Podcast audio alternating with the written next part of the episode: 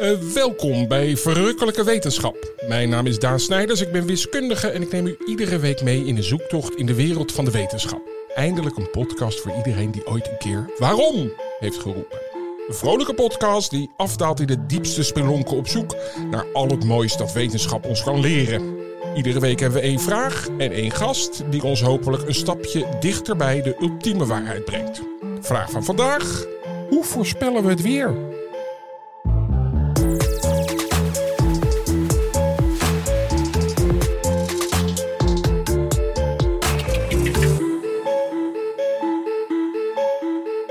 Ja, Marlijn, hoe doen we dat eigenlijk? dat is een interessante vraag. Nou, ontzettend. En ik moest daaraan denken omdat ik ooit gehoord heb, en we zullen verifiëren of dat eh, een waar verhaal is, maar dat was in de jaren tachtig hebben ze in Duitsland een experiment gedaan om te kijken of de weersverwachting ja. voor de volgende dag beter was dan de aanname het zal morgen wel hetzelfde zijn als vandaag.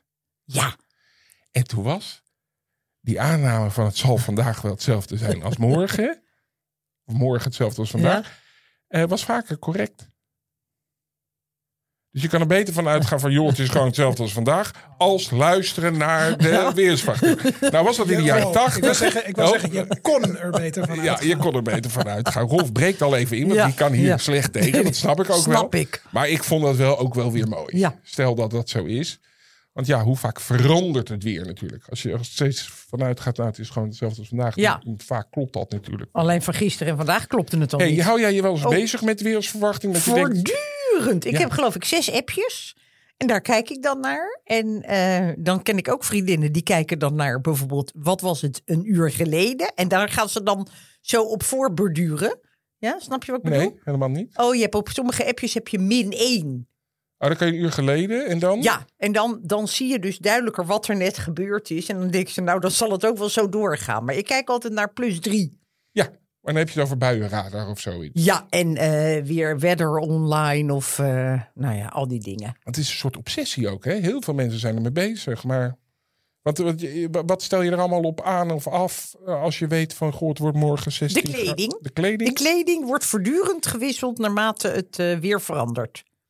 Oké. Okay. Ja. En ook activiteiten bijvoorbeeld? Ja. Beetje open deur misschien. Maar, ja, we ja. hebben bijvoorbeeld een fietsclub. Ja. En als wij dan zien dat er grote pieken met regen aankomen, dan gaan wij niet. En denk je dat weersvoorspellen of verwachting opzetten dat dat moeilijk is? Of dat dat eigenlijk... Ik denk dat het heel moeilijk is. Oké, okay, nou dat is een mooie introductie. Dan gaan we naar onze gast. En onze gast, dat is Rolf Hut. Die is werkzaam aan Technische Universiteit Delft. Afdelingen watermanagement en natuurkunde. En uh, collega's noemen hem ook wel de Nederlandse MacGyver. En dat is uh, omdat hij van hele simpele huistuin- en keukendingen weet die nieuwe innovatieve meetapparatuur te bouwen. Dus dan gaan we die, die ons kan vertellen over ons klimaat. Uh, zijn onderzoek aan de TU Delft richt zich op nieuwe inzichten in bestaande openbare databronnen. Dat klinkt een beetje saai, maar hij houdt zich bezig met het analyseren van de watercyclus en hoe voorspellingen in de wetenschap beter kunnen worden. Onder andere weersvoorspellingen. Rolf, welkom. Hoi. Um, mag ik spreken van weersvoorspellingen of moet het weersverwachtingen zijn? Want ik geloof dat uh, meteorologen... Mag allebei. Dat mag allebei. Uh, weersvoorspellingen. Uh, ik vroeg net aan mijn zus, is dat moeilijk? Jij mag allebei. Gaan meteorologen gaan daar vast okay, over ja. neuzen. okay, Jij ja. mag allebei. Um, maar het is een verwachting. mijn zus zei al, dat is volgens mij heel moeilijk. Is dat ook zo? Is het heel moeilijk om te verwachten wat het weer morgen wordt, over een week, over twee weken? Ja, maar dat is, dat is, je, je slaat precies spijker op zijn kop. Is het, is het moeilijk om te voorspellen wat er morgen gebeurt? Niet heel erg. Is het voor, moeilijk om te voorspellen wat er over twee weken gebeurt? Iets meer. Uh, over drie maanden vrijwel onmogelijk. Ja. Um, en op een gegeven moment wordt het juist weer klimaat. En dan wordt het weer goed voorspelbaar. Je hebt een aantal dingen nodig. En het is, um, hoe ik het altijd vergelijk, is stel je hebt een auto die op een weg rijdt. En je wil weten, waar is die auto over 14 seconden? En, en waar is die auto over 60 seconden, over een minuut, waar is die morgen? Als je wil weten waar die auto over 14 seconden is, moet je een paar dingen weten. Je moet weten hoe de natuurkunde werkt die op zo'n auto werkt. Je hebt een wind die hem, zeg maar, een luchtweerstand die hem afremt. Ja. Je hebt een motor die hem versnelt. Dus als je al die processen begrijpt die daar, die daar invloed op hebben, Ja. Dan weet je hoe de natuurkunde werkt. Zou je in feite uit kunnen rekenen hoe zo'n auto zich gedraagt. Verder heb je er een mens in zitten, dat is lastig. Maar die zijn ook te voorspellen tot op zekere hoogte, helemaal op korte termijn. Mhm. Oké, binnen 14 seconden blijft hij waarschijnlijk wel ongeveer het stuur houden zoals hij het nu heeft. Ja, Ja, ik zie die hele analogie met tijd zie ik al. Want over 10 minuten weet je niet welke afslag nee, die want hij kan een afslag nemen. Ja, maar goed. Ja, en. Maar wat je ook heel goed moet Ja. weten, is waar hij nu is. Ik bedoel, zit hij links op de weg? Zit hij rechts op de weg? Hoe hard gaat hij nu op dit moment? Dus je moet weten wat de situatie nu is. En je moet de natuurkunde begrijpen die de situatie naar de, voor, naar de toekomst beweegt. En dus als je die natuurkunde begrijpt, dat is stap 1. En de situatie nu snappen, dat is stap 2. Nou, de natuurkunde van hoe lucht beweegt, hoe water in lucht beweegt, hoe wind, nou ja, de hele atmosfeer, hoe die zich gedraagt, die kennen we redelijk goed. Dus die kan je in computermodellen stoppen. En dan kan je die computermodellen laten uitrekenen. Oké, de luchtdruk is op dit moment dit. De wind is op dit moment dit. De Mhm. temperatuursverdeling is zo. De verdeling van water en wolken is zo. Je hebt een flinke computer nodig. Je hebt supercomputer niveau computer nodig om dat te doen. Maar dan kan je de hele wereld kan je daarin stoppen. En dan kan je gaan zeggen, oké, dit is de situatie nu. Reken maar uit waar de situatie is over een uur, twee uur, een dag. En op die manier kan je naar voren rekenen. Maar dan moet je dus wel goed weten wat de situatie nu is. Ja. En als je, als je dus daar geen beeld van hebt, dan weet je, als je niet weet waar je staat, weet je niet waar je naartoe gaat. Nee. Dus de tweede stap is dat je observaties nodig hebt, continu, van wat het weer aan het doen is. Die observaties die worden continu in die supercomputers ingevoerd. Er wordt gezegd van, hé, we hebben net temperatuur gemeten. We hebben een satelliet die overging. Die heeft gekeken waar de wolken zitten. Die heeft gekeken waar de regen zit. We hebben radars, we hebben vliegtuigen die zeg maar continu meten hoe de, eh, de drukprofielen in de, in de atmosfeer zijn. Al die metingen, die worden als startpositie gebruikt.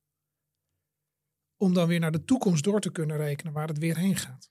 En, en hoe, hoe dicht is dat grid van het meten? Wil je dat op vierkante kilometers weten? Wil je dat elke 100 meter meten? Of elke, eh, maakt dat nog wat uit hoe, hoe precies je weet waar die wolken zitten? Ja, dus hoe.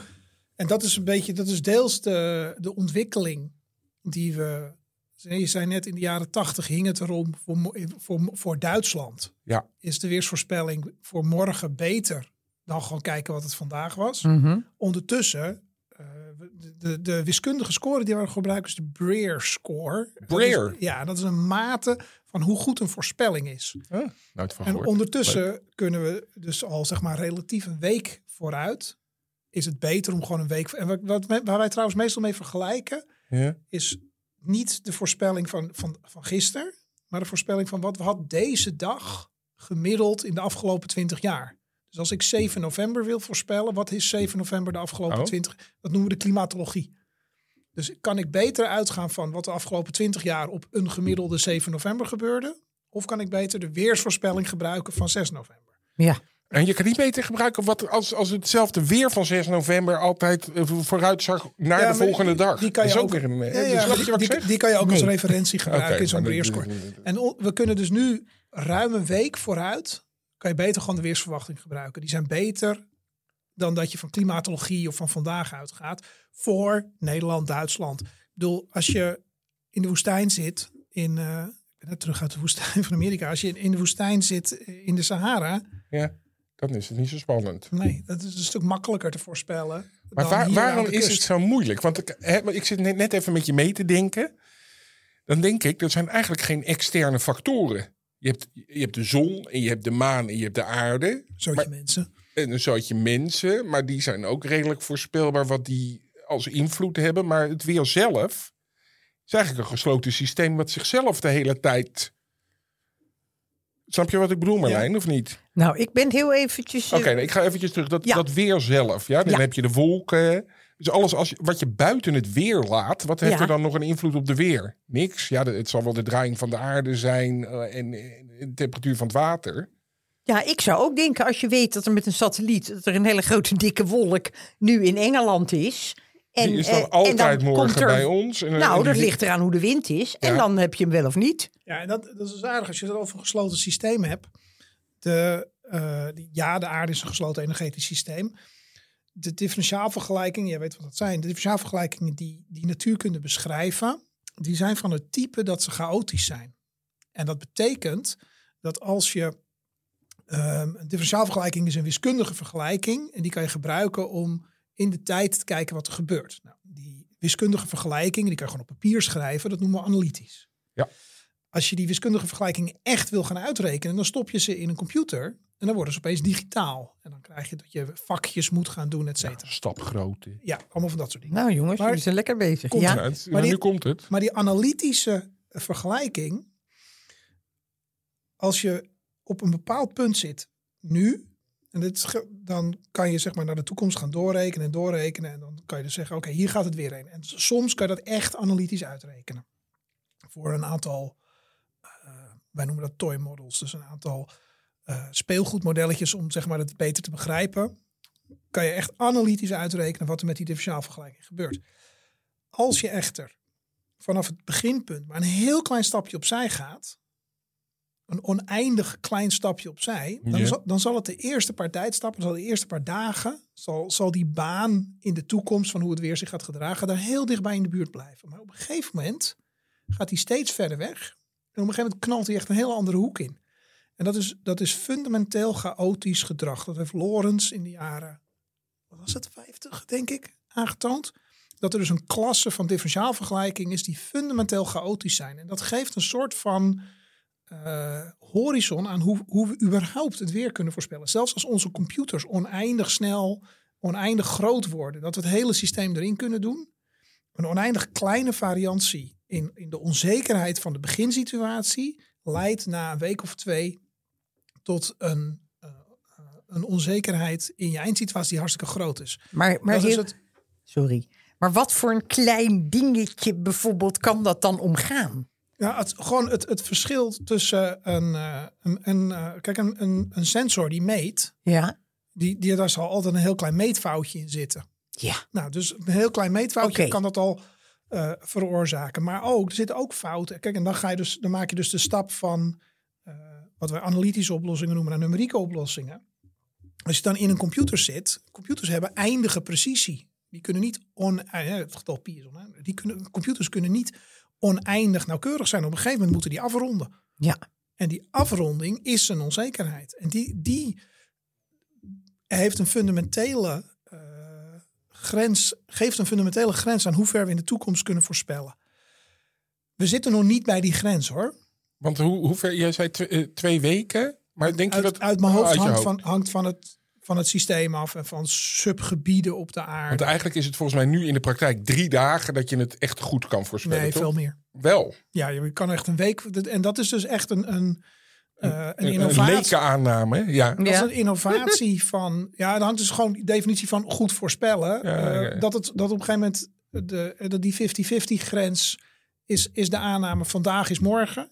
Ja. Of kan ik beter de weersverwachting gebruiken? Nou, die 50-50 grens die ligt uit mijn hoofd, maar vraag het het KNMI, Ja. eh, op een dag of zeven. Oké. En misschien wel iets verder ondertussen. En dat komt deels omdat we twee dingen. ehm, steeds krachtigere computers hebben, zodat we op kleinere schaal kunnen rekenen. Drie dingen. Eh, twee is dat we steeds meer metingen hebben, waaronder satellietmetingen, maar ook meer metingen op de grond, waardoor we dus een preciezer beeld hebben van onze beginsituatie. Mhm. En het derde, en dat vind ik altijd een erg eh, ja, interessant subonderdeel van ons vakgebied, is dat we een wiskundige manier gevonden hebben om een betere schatting te maken van die beginsituatie. We hebben het over het butterfly effect. Wat gebeurt er met die vlinder? Dat is, dat is het feit dat je dus zeg maar niet verder dan 14, 15 dagen vooruit kan eh, kijken. Als je een heel klein foutje ergens in je beginmetingen hebt of in je beginsituatie, dan zal je uiteindelijk na een dag of 14, 15 zal die fout zich, wij noemen dat vermenigvuldigen, waardoor de fout in je schatting voor 14, 15 dagen Ja. vooruit gigantisch groot, wordt. Groot is. En dat Ja, foutje, Dat snap ik. omdat je dus de hele atmosfeer goed in kaart moet kunnen brengen, heel nauwkeurig, kan dat foutje kan zijn, oké, een vlinder in Tokio slaat zijn, slaat zijn vleugels linksom of rechtsom. Als hij linksom slaat, en, en ik weet niet wat, wat- welke hij gedaan heeft, dus die, dat is een onzekerheid. Als hij linksom slaat, dan zien we in onze voorspelling dat er opeens een, eh, een tornado in Amerika ontstaat. Als hij rechtsom slaat, gebeurt dat niet. Dus en dat noemen ze het butterfly effect. Maar stiekem komt uh, de term butterfly ook ook hoe dat aan het eind zo bij elkaar komt, toch? Ja. Als je, als je in 3D... Maar dat, dat wil Marlijn niet weten. Nee. Ja. Als je dat in 3D plot, dan krijg je daar ook een, een ja, vlinder dank voor. het redden. Maar Marlijn, er kan dus een vlinder in Tokio nu zitten en die denkt van... Maar dat is niet een, zomaar een, een, een verzinsel, die, nee, die vlinder. maar, maar, maar En het geeft vooral aan... Ja, want we moeten nu niet vlinders verantwoordelijk gaan houden voor tornado's. Jawel, aanklagen. aanklagen. Het geeft vooral aan hoe minuscuul ja. Die dingen. En dan volgens mij komen we dan ook op dat chaotische. Dat stel, als je alles meet, dan zal er altijd nog meer de details zijn. Wat ook weer invloed heeft. Wat eigenlijk raar is, wat, wat jij zegt van ja, waar de wind vandaan komt. Je zou denken dat het heel erg voorspelbaar is. voorspelbaar is als je alles erin stopt. Maar, ik snap dat er dus. Je weet niet alles. Nee. En je kan dus fundamenteel bewijzen dat zelfs een oneindig klein onzekerheidje ja. ervoor zorgt dat je na 14, 15 dagen de weg kwijt bent. Oké, dus we krijgen dat weer. Dat krijgen we nooit verder dan dan. Maar het is wel goed om nu te weten. Nou gaat daar miljarden in om. In die industrie. Het voorspellen van het weer. En het klimaat. en het klimaat. En het gaat om supercomputers en dat doorrekenen. Zit ik even te denken, Marlijn, want ik weet zelf het antwoord ook niet. Van waarom is dat zo ontzettend belangrijk om dat weer te weten? Ik zit natuurlijk aan boeren te denken, oogst. Ja, ik denk aan grote schepen. Heb, heb jij er nog een paar? Waar... Nou, dat, nou precies, precies, dat. Dus, Grote uh, schepen vond ik trouwens goed, Marlijn. Daar had ik helemaal niet aan gedacht. Grote schepen? Ja. Vliegtuigen, ja. Oh ja. De luchtvaartindustrie is een gigantische afnemer van, uh, van weersvoorspellingen en weersmetingen. Helemaal op de relatief korte termijn. Dat je kan zeggen van wat zijn de, wat zijn de patronen van de luchtstromingen nu? Als je namelijk, ik, ik ben recentelijk uh, teruggevlogen uit de VS, waar ik een tijdje geweest was. En toen besloot uh, relatief kort voordat we weggingen, onze, nou ja, onze, ik wil zeggen onze piloot, maar die beslist dat niet zelf, want die krijgt dat gewoon van hoge rand opgelegd. Om een stuk zuidelijker te gaan vliegen, omdat de golfstroom op dat moment daar zat. En voorspeld werd dat die daar sterker zou zijn, waardoor we ten eerste 30 minuten eerder op Schiphol waren. Uh, en ten tweede, ja, dat betekent dus gewoon minder, minder verbruik. Ja. En de grootste kostenpost voor die luchtvaartmaatschappij is, uh, is kerosine. Dus als die gewoon kunnen plannen, hier is de wind het hardst als ik wind mee heb, of hier is de wind het zachtst als ik wind tegen heb. Uh, dan kunnen ze daar rekening mee houden. En dan plannen ze dan uren. Ja, sommige vluchten gaan 12, 24 uur de lucht in. Ja. Ik heb dat een keer gehad, maar dat is een beetje cijfer. Maar toch leuk voor de luisteraars om te horen. Uh, dat, uh, denk jij? Dat, dat ik dan ja. van, ging van Londen naar Sydney. Hè, dat, was, dat is een heel eind. En toen stonden we dan in Londen, konden we niet vertrekken, omdat dan bij Sydney de gates vol waren op het moment dat wij kwamen. En dan zeiden ze, anders moeten we dan een half uur gaan, uh, niet ja. taxi, maar dan rondjes uh, in de lucht. draaien, ja. Zeiden, kunnen we beter een half uur hier wachten en dan komen we daar. Dus toen dacht ik, ja, zitten we gewoon, uh, nou ja, wat is het, 17 uur was die vlucht. En dan zaten we daar een half uur te wachten, omdat die gate dan over 17 ja. uur, vond ik ook maar, maar, die, maar, die, planning is dus gigantisch ja, afhankelijk ja, van, van die van weerpatronen. Maar dan krijg je dus op verschillende vluchten. hoogtes. Krijg je, dus zij krijgen niet de weersverwachting van uh, het maaiveld zoals wij zitten. Nee. Maar zij hebben een weerverwachting van uh, drie kilometer hoogte. Nou, van de volledige atmosfeer. En daar betalen ze flink voor. Want heb je niet één stukje atmosfeer wat altijd hetzelfde is? Of niet? Die variatie lijkt me minder worden hoe hoger je komt. Dat is ook een aanname. Weet ik niet. Als, nee. als, als op de grond watermanager, geen idee. Maar mijn gut feeling zegt nee. Oké. Okay. Misschien op een gegeven moment zit je in space, maar dat, zo hoog vliegen we niet. Nee, nee. Maar mag ik nog heel eventjes wat praktisch vragen? Wat voor een apparatuur heb je dan nodig om dat allemaal te meten? Ik bedoel, je wil natuurlijk weten hoe het nu uh, in andere landen om ons heen is. Ik weet helemaal niet hoe ver we kijken. Ja, dat vind ik ook een goede. Maar ik Moet neem je het aan hele dat we de systeem... hele wereld bekijken. Hoe ver om... ga je? Ja. Is ja. dat je vraag als eerste? En dan kijken hoe, hoe ze dat doen. Maar Laat ik vind me dat het, mijn eerste vraag Ik vind zijn. het een hele goede van, ga je tot Duitsland of ga je helemaal Mexico ook meenemen in nee, dit gedoe? Nee, nee, nee. Het werkt, um, we hebben uh, internationale samenwerkingsverbanden. De World Meteorological Organization bijvoorbeeld. Dus dat is de, het KNMI van de wereld, zou je kunnen zeggen. En die doen heel veel metingen. Dus die hebben wereldwijde meetnetwerken. En die metingen die worden gedeeld met alle uh, deelnemende landen in de WMO. Nou, dan hebben we in de wereld een aantal rekencentra. NOAA in Amerika en ACM, ECMWF, ECMWF in, uh, in Europa. Die zaten tot voor kort zaten ze in Reading, maar die zijn aan het verhuizen naar Italië. Ehm, en van ECMWF zijn een flink aantal Europese landen lid. En wat die doen is, die rekenen de hele wereld, rekenen ze elke dag, of eigenlijk volgens mij vier keer per dag, rekenen ze de hele wereld uit qua weersvoorspelling. En dat doen ze op een eh, bepaalde gridsijs, uit mijn hoofd 10 kilometer, maar pin me er niet op vast. En eh, dat, dat delen ze met hun eh, Partners. Nee, dochterlanden. Dus deelnemende landen. En dat zijn, dat zijn bij, in het geval van ECMF zijn dat bijna alle Europese landen, maar met een paar extra. En dat delen ze met commerciële klanten die daar gewoon vink voor betalen. Die, ehm, die krijgen dan echt die ruwe data. De verschillende landen, zoals het KNMI is dan het deelnemende instituut eh, voor Nederland, die krijgen die data. Dat zit, en die doen dan nog eens een berekening voor Nederland op een hogere resolutie waarbij ze de eh, wereldresolutie als randvoorwaarde gebruiken. En dan rekenen ze dus nog eens Ja. verder uit, puur voor Nederland. En Duits, de Duitse Wetterdienst doet dat voor Duitsland. DWD. Hey, eh, maar die heeft. ehm, de- dus KNMI heeft dan hun eigen meetstations. Hè, om dat Ook, grid wat ja. beter te maken. Ja, dat, en- is, en- dat is wat ja. je zegt. En het KNMI heeft dan, dan zowel een verplichting om aan te leveren aan WMO voor het volledige. Eh, Oh ja, ze Ja, geven ook een totaalplaatje. Maar dan geven ze niet alles. Nee, want ze hebben dus voor ze hebben nog een gedetailleerder grid dat ze gebruiken om het Nederlandse beeld. Toch leuk hè, als je dit weet. Ja. En, Ja. dat, en daar worden heel veel en zowel er worden heel veel verschillende meetsoorten gebruikt.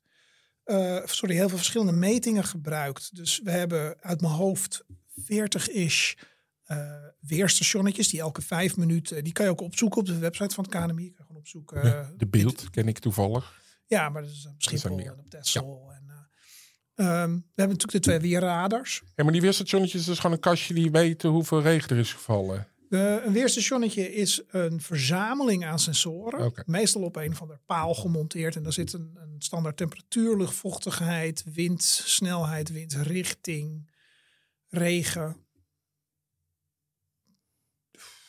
Vergeet ik er nog één? Luchtdruk. De luchtdruk, dankjewel. Ja. Die, eh, en sommige hebben dan ook nog eh, inkomende straling. Dus die Oh. meten dus zeg maar de intensiteit van de zon. En ook uitgaande straling. Hoeveel, hoeveel straling straalt de warmte qua, straalt de aarde, aarde qua warmte weer, eh, weer terug naar de atmosfeer? Hey, komt er weer nou eigenlijk alleen doordat de aarde draait of niet? Weet ik niet. Oké.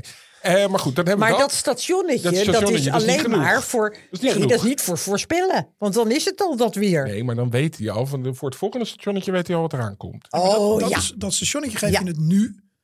En dat gebruiken we als startpunt richting de toekomst. Om met een computer uit te rekenen wat er dan richting de Ja. toekomst gebeurt. Oké.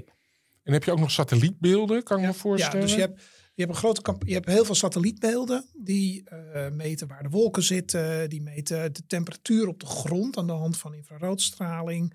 Eh, we hebben heel veel verschillende satellieten. Die de regen wordt bijvoorbeeld ook met een satelliet nog eens een keer gemeten. En al die bronnen worden gecombineerd om een geheel beeld van de atmosfeer te krijgen. Een heel belangrijk onderdeel van ehm, de input is dus ook de metingen die vliegtuigen, ook commerciële vliegtuigen, hebben allemaal sensoren aan boord. En een deel daarvan wordt dus ook gedeeld met de World Meteorological Organization geautomatiseerd, zodat dat allemaal verdeeld.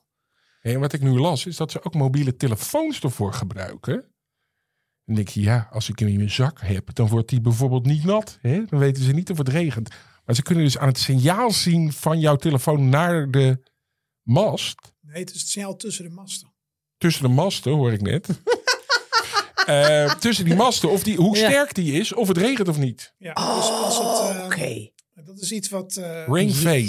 Dat Ja. kregen wij vroeger altijd. Dan hadden we zo'n schotel op het dak, kreeg je rain fade. En als het dan regende, kon je geen satelliet-tv meer Nee, kijken. dan ging de tv zo.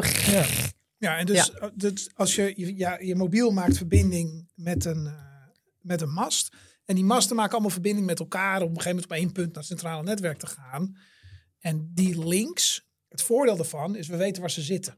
Terwijl jij de hele tijd rondloopt met je, met je telefoon. Dat is lastig qua signaalsterkte. Maar die, die masten weten waar ze zitten. En die masten die zenden ook nog eens op een frequentie uit.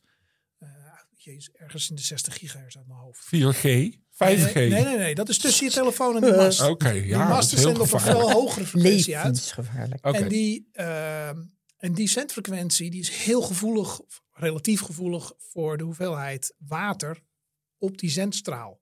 Oké. Het hele compro- dit is een, een concept dat door eh, Remco Uilenhoed en een flink aantal van zijn promovendi over de jaren heen uitontwikkeld is. Een aantal daarvan werken nu bij het eh, KNMI. En uh, je kan dus aan het, de sterkte van het ontvangen signaal, in feite het aantal streepjes, kan je zien hoeveel water er tussen die zendmasten zit. Nou, de telecomproviders die slaan dat op, gewoon voor hun informatie. Eh, die gegevens worden dus doorgegeven. En die Mhm. kunnen dan weer gebruikt worden om de radarbeelden te verbeteren. Want dan heb je dus een meting op de grond en een meting Ja. in de lucht. Ik heb wel eens een keer gehad dat buienradar dan eh, regen zijn, dan was het droog. Terwijl daar op dat ding stond dat het aan het regenen was. Nou, maar wat ik ook zo vind, nu we het er toch Gaan over even, hebben. even dat hele vakgebied eh, klein, klein. Ja. Nee, maar wat ik altijd zo apart vind, is dat als je vier verschillende apps hebt, dat ze eigenlijk alle vier wat anders zeggen. Ja, en dat- dan kom jij met jouw. Eh, Nee, maar dat is heel goed. Er zijn dus verschillende weermodellen. En dat is wel oh, raar, want je zou dat denken van... Ja, nou ja, dat- je basis is hetzelfde. Want ik neem aan dat ze kijk, allemaal. Nee, een aantal van die internationale apps, die grijpen terug op die bronnen van, van de Amerikanen of van ECMWF, meestal van de Amerikanen. En die rekenen dus de hele wereld op een vrij grof grid uit. Terwijl een aantal van de nationale apps, Mhm. die grijpen buienradar, krijgt van het KNMI, betaalt er ook deels voor, eh, de daadwerkelijke radarbeelden. Oké. En doet daar nog zijn eigen bewerking op om de schatting te maken van hey, dit is de radar, dit is hoe het beweegt, wat gaat het komende uur doen. Ehm, als ze een dag vooruit gaan, dan pakken ze de KNMI-voorspelling, maar wel voor Nederland. Ja. Terwijl als jij Apple Weather of zo pakt, dat pakt een algemene. Maar is er, want nou dan suggereer je dus dat die van de KNMI beter en accurater is. Maar is er ook zoiets Voor als... Nederland wel. Voor Nederland. Maar is er ook definitief... Is er geen enkele discussie meer over van... Als je dit model zo kleinmazig mogelijk toepast... dan krijg je het beste weer. Nee, nee, of zijn er nog nee. mensen die zeggen... Nee, je moet er drie delen en dan de wortel eruit trekken. Nou, niet op dat niveau, maar er zijn wel verschillende modellen in omloop. En, ehm, wat je, maar dit is atmosferisch. Ik zit meer aan de waterkant. Maar wat je, wat je wel ziet, is dat altijd ziet, is dat verschillende modellen het beter doen in bepaalde regio's of onder bepaalde omstandigheden. En daar wordt, daar wordt wel heel kritisch naar gekeken. Maar die modellen zijn continu aan verbetering. eh, Ja, het is onder- echt een enorm gebied. Eh, Het is wel interessant. Ik zit even aan mijn moeder nog te denken. Ach, mama. Mama. Ehm, die kreeg altijd hoofdpijn als het ging sneeuwen. Moeten ze naar Ja. binnen gaan. Nee, daar had het niet met buiten te maken. Nee. Maar de, dat kwam dan de volgende dag. Ja. Ja, dat, eh, dat geloof je misschien niet. Maar eh, je hebt toch ook mensen die dat aan hun tenen voelen of weet ik veel Ja. wat. Ja, je, er zijn- Ja, je hebt allerlei Vroeger deden dingen. ze dat. Zo. Nou, Rolf die eh, vindt het er gekkigheid. he- helemaal niet in mee. Oh nee, dat mag hoor. Maar, je mag ze, je, maar dan moet je ze afzetten. Nou, hoe vaak hebben ze gelijk? Hoe vaak hebben ze Ja, geen gelijk? Netjes naar waar. kijken. En dan, Ja. blijf, en dan, zak, dan zakken die, eh, die voorspellingen meestal door de Allemaal, ja, Ja, door het. Oké. Eh, wat ik nou net even opving, en dat vond ik. we moeten het ook nog even naar je eigen knutsel, eh dat MacGyver-ding, want dat heb ik nu aan het begin geroepen. Daar Ja. zit ook iedereen op te wachten. Ja. Ja, mensen, het komt zo.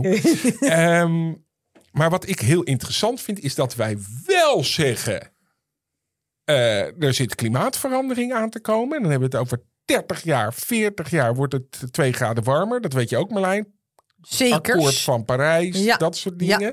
Dingen. Maar dat Terwijl we toch ja. net van Rolf te horen hebben gekregen dat het weer voorspellen eigenlijk nooit verder dan 14 dagen gaat komen. Nee, dus En dan vraag ik aan jou, waardoor komt dat, denk je? omdat het een grotere lijn is, denk ik. Een grotere lijn? Niks aan toe te voegen. Nee? Nou ja, in feite, in feite de eh, klimaat gaat, gaat inderdaad over grotere patronen. En je, je hoeft niet precies te weten. Als je bijvoorbeeld denkt aan een, aan een vat met. ehm, nee, laat, laat ik het anders doen. Je hebt, een- je hebt, een, je hebt een glas met eh, warme koffie. En daar doe je een paar druppels melk in.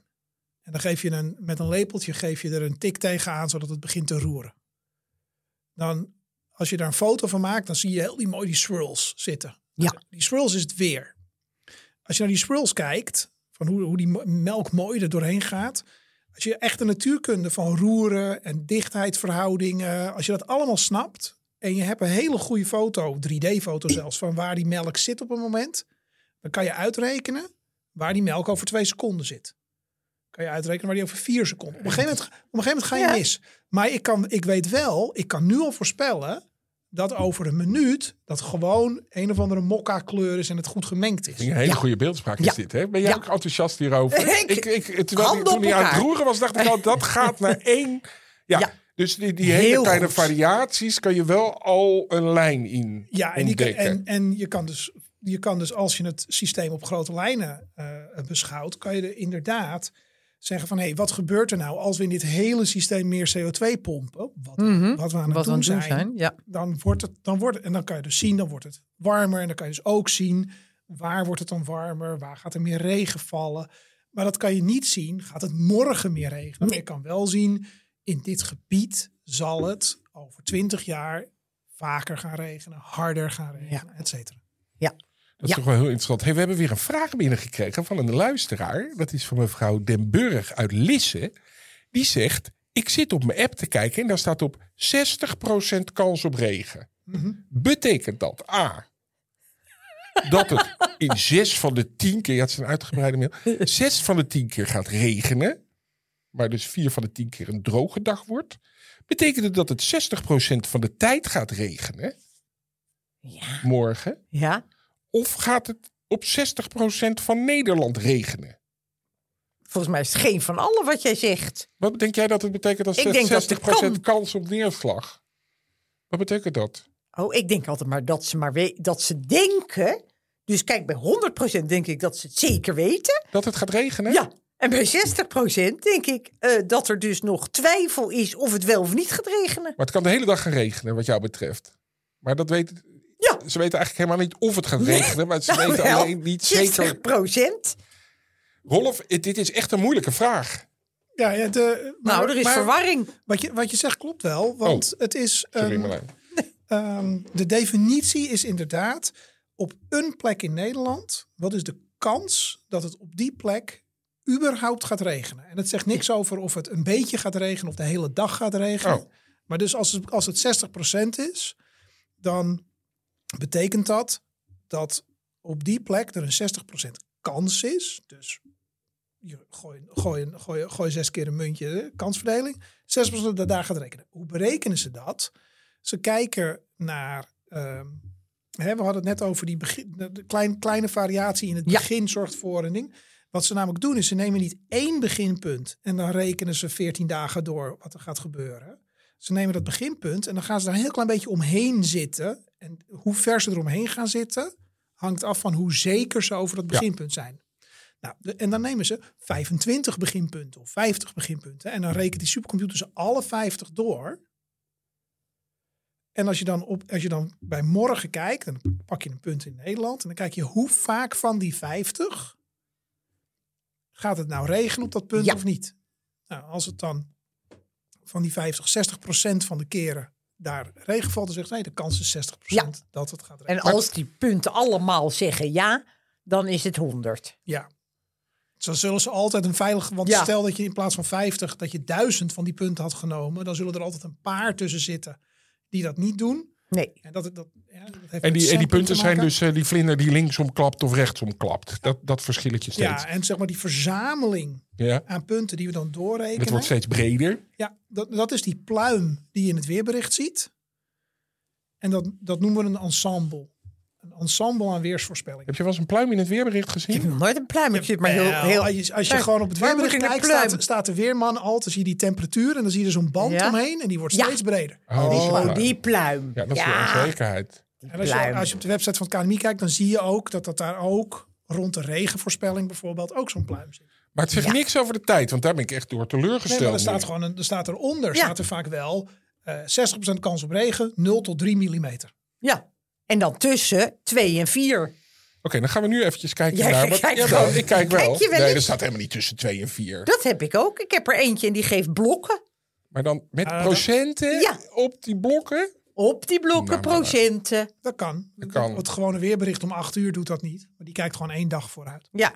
Hé, en wat Nee, betekent dat? Want je zegt een paar millimeter. Is dat dan een laagje over het hele land van 2 millimeter? Maar Nou ja, op, die, op die plek waar het regent, als je dat zeg maar op zou vangen, op, diezelfde plek, dan zou er inderdaad een laagje van zoveel millimeter. Dat is nog hartstikke veel. Per vierkante meter zit ik te denken. Ja, dat is een is het. badkuip vol. Op je dak. Ja, nou reken maar uit. Een, een, kijk, een kubieke meter is 1000 liter. Dat krijgen we op de basisschool. Ja. Dus als je een, een kubieke Kregen meter... we op de waterschool, ja. Ja, een kubieke meter. Als je nou die kubieke meter in duizend plakjes snijdt. Ja. In één meter gaat precies 1000 millimeter. Dus elk plakje van een millimeter is een liter. Dus een, een liter water op een vierkante meter is een millimeter hoog water. Dus als je 5 millimeter regen hebt, dan krijgt elke vierkante meter krijgt 5 liter. Als jij een dak van 100 vierkante meter hebt, als je een flink huis hebt. Ja. Ja, Oh, reken maar uit. Reken maar uit. Zo 5000, 500 liter. 500 liter. Ja, dat is- Lekker dat uitgerekend zijn dan. vijf, ja, maar dat zijn vijf Ja. Ja. Daar maak ik me eigenlijk, dat is wel zo. Als het onder de 1 is, dan maak ik me eigenlijk nooit zo druk. Qua millimeters. Ja. Bij 0, dan denk ik, Nee. nou, dat overleven we allemaal wel. Ja, maar dat is ook zo. Ja, We hebben heel veel regensoorten, hè, zit ik nog even te denken. Dat is heel Hollands. Dat je Ja. motregen hebt, ja want dat is nu ook bij die buienradar. kan je ook motregen zien. Motregen, slagregen. Wat hebben we nog meer? Regen met pijpenstelen. Ja, d- Stortregen. ja maar dat is Tyfusregen. tyfusregen, eh, buien. Hé, je kan ook buien die regen worden. Vind ik ook altijd mooi. Ja, maar, Maar ik geloof dus de de- Eskimo's nog meer nu- woorden Voor hebben sneeuw. voor, Voor sneeuw. over sneeuw. Ja, maar dat, het, ehm, je moet Inuit zeggen. Dat is Oh, mij ja, nu ook sorry. twee keer. Inuit. Daar krijgen we steeds Boze berichten over. Ja.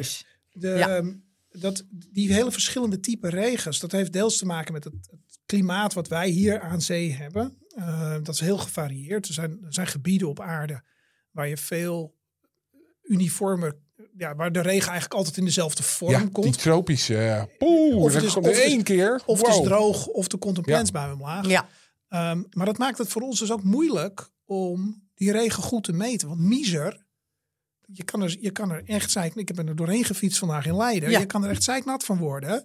Maar tegelijkertijd, de hoeveelheid water die op de grond valt... Soms zweeft het gewoon, heb je het idee. Hè? Dan zit je gewoon door die wolken heen te fietsen. En dan word je nog nat ook. Dus als jij een regenmeter hebt die alleen maar kijkt naar wat er op de grond valt... dan zal die zeggen, miser is geen regen. Als jij die regenmeter als boer gebruikt omdat jij wil weten... hoeveel water er daadwerkelijk op je grond gevallen is... dan, heb, dan is dat een terechte meting. Ja. Maar als je die regenmeters wil gebruiken om fietsers hulp te geven van... moet je een regenpak aandoen, zoals ik misschien had gemoeten vandaag... ja zeker. Dan heb je dus aan een klassieke regenmeter die alleen maar kijkt naar hoeveel land er op de grond... heb je niet zoveel. Nee, nee. Hey, ik had nog even beloofd. eh, Oh, jij- wordt ja. de MacGyver van, eh, van, van, van de meteorologie in Nederland genoemd. Tenminste, ik heb er wat dingen bij geknutseld. Ja, Zo, zoals jij dus doet. Maar, maar, maar waar moeten we in, als je het een beetje tot weer kan beperken, nee, kijk, wat maak je dan? Eer, A, stapje terug. Ehm, ik zit bij watermanagement en hydrologie. En meteorologie is de kunst van de atmosfeer. Die, ik heb die mensen heel hard nodig. Ik kan er hier met jullie over praten. Maar hydrologen kijken naar als het water eenmaal, op de, eh, als water eenmaal uit de lucht gevallen is, hoe gaat het uiteindelijk de rivieren in? Ehm, krijgen we overstromingen? Hebben we te maken met droogtes? Dat, is, eh, dat zijn de grote vragen waar wij ons mee bezighouden. En om dat goed in beeld te krijgen, heb je veel metingen nodig. Net als onze meteorologische collega's. Nou, tijdens het, eh, het doen van mijn promotieonderzoek ben ik heel erg bezig geweest met... we willen zoveel mogelijk metingen hebben, maar die dingen zijn hartstikke duur. Kunnen we nou niet op een goedkopere manier meer gaan meten? Hè? Als, we, als we de kosten van een weerstationnetje omlaag krijgen Mhm. kunnen we opeens met hetzelfde budget veel meer weerstationnetjes eh, kopen. Het probleem dat wij met die weerstationnetjes namelijk hebben, is uh, ja, die worden gemaakt door Zwitsers die het heel belangrijk vinden om het super nauwkeurig op één punt Ja, te meten. Precisiewerk. Ja. Maar, maar ga, eens, een klok. Ga, eens, ga eens door een stad fietsen. Zodra je de bocht om bent, heb je andere regen. Dus voor ons is het eigenlijk nuttiger om misschien iets minder nauwkeurig, maar op veel meer plekken te meten. Mhm. Misschien iets minder nauwkeurig dan op één plek heel nauwkeurig. Ja. Eigenlijk wil je het natuurlijk allemaal, maar... Dus ik heb in mijn promotieonderzoek naar gekeken, hoe kunnen we dat nou doen? Nou, en er zijn in consumentenelektronica worden er continu innovaties. Je, je telefoon zit echt barstensvol met sensoren tegenwoordig. Nou, dat soort innovaties eh, was mijn idee. Samen met andere mensen bij ons in de groep. Kunnen we dat nou niet gebruiken om goedkopere weerstationnetjes te gaan maken? Ehm, en dat hebben we toen gedaan. Maar ja, als onderzoeker aan de universiteit bouw je dan niet het uiteindelijke weerstation. Je bouwt de eerste versie. En de eerste versie is eigenlijk alleen maar bedoeld om te laten zien dat het kan. Ja. Nou, dus die hangen van de duct tape aan elkaar. Maar dat is op zich prima. Dat werkt wel. En dat Ja. is een thermometer. Eh, als, je, als je echt naar een volledig weerstation kijkt, dan is het inderdaad een thermometer. Maar die kon je heel goedkoop maken en de, en de Zwitsers de loef afsteken. Nou, kijk, ik heb vooral gekeken naar regenmeters. En we hebben vooral gekeken van, kan je, dan, kan je die goedkoper maken? En de hoop die we daarbij hadden, is dat dan de bedrijven die met regenmeters aan de gang gingen, en eigenlijk met volledige weerstations, dat die dan zagen, hey, ja, het kan inderdaad, laten we dat gaan doen. Ja. Ik hoef daar zelf niet de loef mee af te steken. Ja, sommige mensen hebben heel erg die neiging hoor, die willen dan een start-up maken. Ja, ja, ja. ja. En, eh, van de grond op, trickle-down economie. Hey, ik ben het? geen, ja, dat werkt toch niet. Ik ben geen, eh, ik ben geen entrepreneur in die zin. Ik ben een, een, een academie die gewoon wil laten zien dat dit kan. En dan ga ik weer naar het volgende probleem door. En we, we hebben gelukkig hebben we dus eh, een aantal eh, makers van weerstations. Ik heb er eentje bij me. Dit is een, dit is een moderner weerstation dat dus deels aangepast is omdat wij hebben laten zien, ja, het kan gewoon goedkoper mensen. En deze zijn dus een stuk goedkoper dan, eh, dan de weerstationnetjes die je daarvoor kocht. Wij hebben Ja. een project dat heet eh, TAMO, de Trans-African Hydrometeorological Observatory. En dat is een project waarbij we proberen om 20.000 weerstations in Afrika te realiseren. Maar ja, als je daar dat soort aantallen, dan kan je niet duizenden euro's per Nee. station betalen. Dan moet dat lager zijn, omdat dat, niemand gaat miljarden daar naartoe eh, sluizen, jammer genoeg. En dus hebben we gelukkig een producent gevonden die op basis daarvan van ons onderzoek zegt van, oh ja, als je, als je dan deze kant op wil, dan kunnen we wel een weerstation maken dat een stuk goedkoper is. En er staan er, volgens mij zitten we nu op 600, 700. Ik zou moeten kijken op de website. In Afrika. Ja, en dat, dat is langzaamaan continu aan het groeien.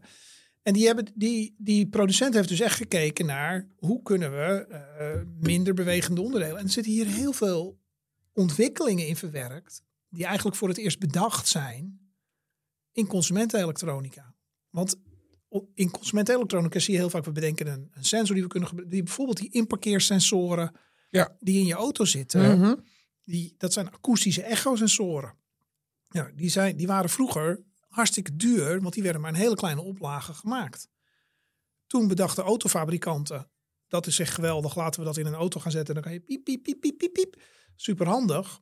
En toen werden ze ineens met miljoenen tegelijk gemaakt. Ja. Ging, de, ging de productieprijs omlaag. En nu kunnen wij die sensoren weer goedkoper kopen. En hangen we ze onder bruggen om waterhoogte veel goedkoper te meten dan dat we eerst deden. Hey, leuk. En, eh, wa- wa- wa- wat gaan die eh, 20.000 dingen of 2000, 20.000 zei je? Mhm.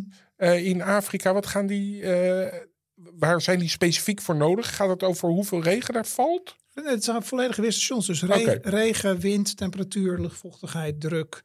En dat wordt allemaal gewoon weer... weer Maar dat ga je zelf weer doen of ga je dat doorverkopen aan de Italianen? Nee hoor, we werken daar... we proberen, nee, nee, nee, zeker niet. We dit, dit is gewoon een bedrijf dat gezegd heeft... hey, blijkbaar is er een markt voor goedkopere weerstations in, eh, in Afrika. Daar hebben jullie ons van overtuigd. Dus die hebben dit verder uitontwikkeld. Heel veel mee samengewerkt, heel veel mee overlegd van wat moet er dan in zitten, et cetera. En wij zijn nu de hele tijd bezig om met eh, verschillende. Je kan niet zeg maar gewoon als, als universiteit naar Afrika vliegen met een zak vol regenmeters, een zak vol weerstationnetjes en die gewoon neerzetten en dan weggaan en dan denken dat alles eh, automatisch eh, goed gaat. Het is sowieso een hele arrogante gedachte om te denken dat je gewoon een wille- willekeurige land in kan vliegen en hun problemen kan oplossen. Ehm, dus wat we heel vaak doen is dat we samen optrekken met de lokale, eh, de lokale versies van het KNMI, maar dan in, eh, in die landen daar. Om te zeggen van hé, hey, jullie hebben een verplichting richting de WMO om veel te meten. Dat is lastig, maar er zijn tegenwoordig nieuwere methodes. En dan zo om samenwerkingsverbanden op te zetten. En op die manier En dan gaat het steeds dus meer uit te eigenlijk rollen. om een soort eh, zwarte gaten nog. Nu, nu zien we nog Ja, niet. Als je, de eh, kaart, als, je de kaart, als je de kaart bekijkt van over de wereld waar Ja. we aan het meten zijn, Ja. dan eh, is dat in Afrika nog een stuk minder. Als je kijkt, je hebt, je hebt van die mooie kaarten die laten zien hoe groot Afrika als continent is qua, qua, gewoon qua oppervlak. Het is gigantisch. De kaarten die we vaak gebruiken vertekenen heel erg Rusland en. Groenland. Ja. Ehm, maar Afrika is echt gigantisch groot. En er staan relatief weinig weerstations. Terwijl dus bijvoorbeeld de hoeveelheid energie van de zon die op de aarde valt, een heel groot deel daarvan valt op Afrika. Als we daar gewoon beter beeld van krijgen, wordt voor het lokaal, wordt het daar een stuk beter om weersverwachtingen te gaan maken. Een stuk beter om die klimaatmodellen, die weermodellen aan te slingeren. En dat heeft ook voor ons weer nut in de zin van dat die volledige globale eh, voorspellingen uiteindelijk beter gaan worden. Heb jij nog Ja. een vraag Marlijn? Of zeg je van eh, ik weet het nu wel? Nou, ik weet het nu wel. Ik denk dat er nog honderdduizenden vragen zijn. Maar het is mij nu wel in kern. In kern duidelijk. En Ja. weten we het eigenlijk ook op zee nog? Of doen we het alleen op land? Oh nee hoor, er zijn ook, Oh, ook meetboeien meet- meetboeien. en er zijn schepen die eh, continu informatie... Kijk, de hele scheepvaart wil natuurlijk ook weten hoe gaat het waaien, waar zitten de grote golven. Ja. Ja. Hey Ah. Rolf, eh, we hebben ontzettend veel van het weer geleerd. We gaan met een hele andere kijk naar Erwin Krol. Hè, elke avond, als hij er nog is. Ik wou het zeggen, die, die heb ik al heel lang niet meer hier op de van de berg. gezien. Diane Woei, vind ik ook altijd zo mooi. Ja. Hey, hartstikke bedankt. Dan praat ik nog even na met mijn zus. Ja. Marlijn, ik moest opeens denken aan de Donald Duck. Jij mag zo. Hey, maar die was op een gegeven moment was hij ook weer. Dan, dan zit ik opeens, is een van mijn favoriete eh, Donald Ducks. En dan Ja. had hij zo'n klein eh, vliegtuigje. Ja. En met een schuiver voorop. En dan kon hij die wolken, die duurde die dus bij boeren die dat nodig hadden. En dan deed hij het zo goed. Dat lieten ze ook met een inzoom zien. Dat er dan halve druppels op het hek vielen. Leuk hè? Nou, Daan, Lees maar na. ben heel- Donald als Ik ben weermaker. heel blij dat Ja, met Donald? Duck eindigt. Fantastisch. Hey, ik vind het wel fijn dat we nu dus weten dat we nooit verder kunnen komen dan eh 15, 16 dagen. Ja, dat is en- toch ook wel ja. weer. Dat is gewoon de, de natuur. Misschien in de toekomst ietsje verder. Nee, nee, nee, nee. Ah, Nee, nee, Oh, nee. En dat kan niet. Dat hebben we bewezen dat dat niet kan. Nee, want dan komt die de onduidelijkheid. En ik vond jouw vraag heel goed over Oh, dank u. Wat? wat je wel of niet kan voorspellen. Want ik zat nog even bijvoorbeeld aan vulkaanuitbarstingen, weet je wel. Dan weet je eigenlijk ook nooit precies wat je kan. maar dat is geen weer. Dat is geen weer. Maar geen dat weer, de Daan. natuur zich, Nee, die houdt zich gelukkig die houdt zich niet altijd, niet altijd aan regels. En sommige dingen zijn chaotisch. Ja, Dat ja met een Pin hele kleine afwijking van Pin- een pin- vlinder. pin me niet op die 15 dagen vast, maar we hebben een grens aan wat we kunnen voorspellen qua weer. En sommige dingen, vulkaanuitbarstingen en eh, tsunamis en aardbevingen, Ja, wordt hem dat, niet. dat wordt hem niet, hè? Ja, en of het een, een, een zachte winter wordt, dat wil ook altijd iedereen weten. Wat wordt het een beetje, kunnen we, komt er een Elfstedentocht? Kunnen we Ja, vooral die Elfstedentocht. Ja, Ja, dat- Ja, je kan wel Komt zeggen nooit dat de meer. kans daarop steeds kleiner wordt. die komt er nooit meer. Het is afgelopen. Nou jongens, niet zo... nee, wel, dat is gewoon zo. We krijgen steeds Hey Marlijn, als mensen willen reageren, en vooral ook op deze laatste stelling. Er komt nooit Er meer nooit een meer een Elfstedentocht. Elfstedentocht. Het gaat niet on. Nee. Eh, waar kunnen ze dan... eh Verrukkelijke wetenschap. kortimedia.nl Kort met een C. Of zeg jij het maar, want anders zeg ik het toch weer verkeerd over dat Je abonnement. kan een verrukkelijk abonnement nemen op een platform naar keuze. En we zitten overal tegenwoordig. Ja, en stuur vragen? Dat is leuk. En dan hopelijk volgende week weer zo'n mooie gast. En tot dan.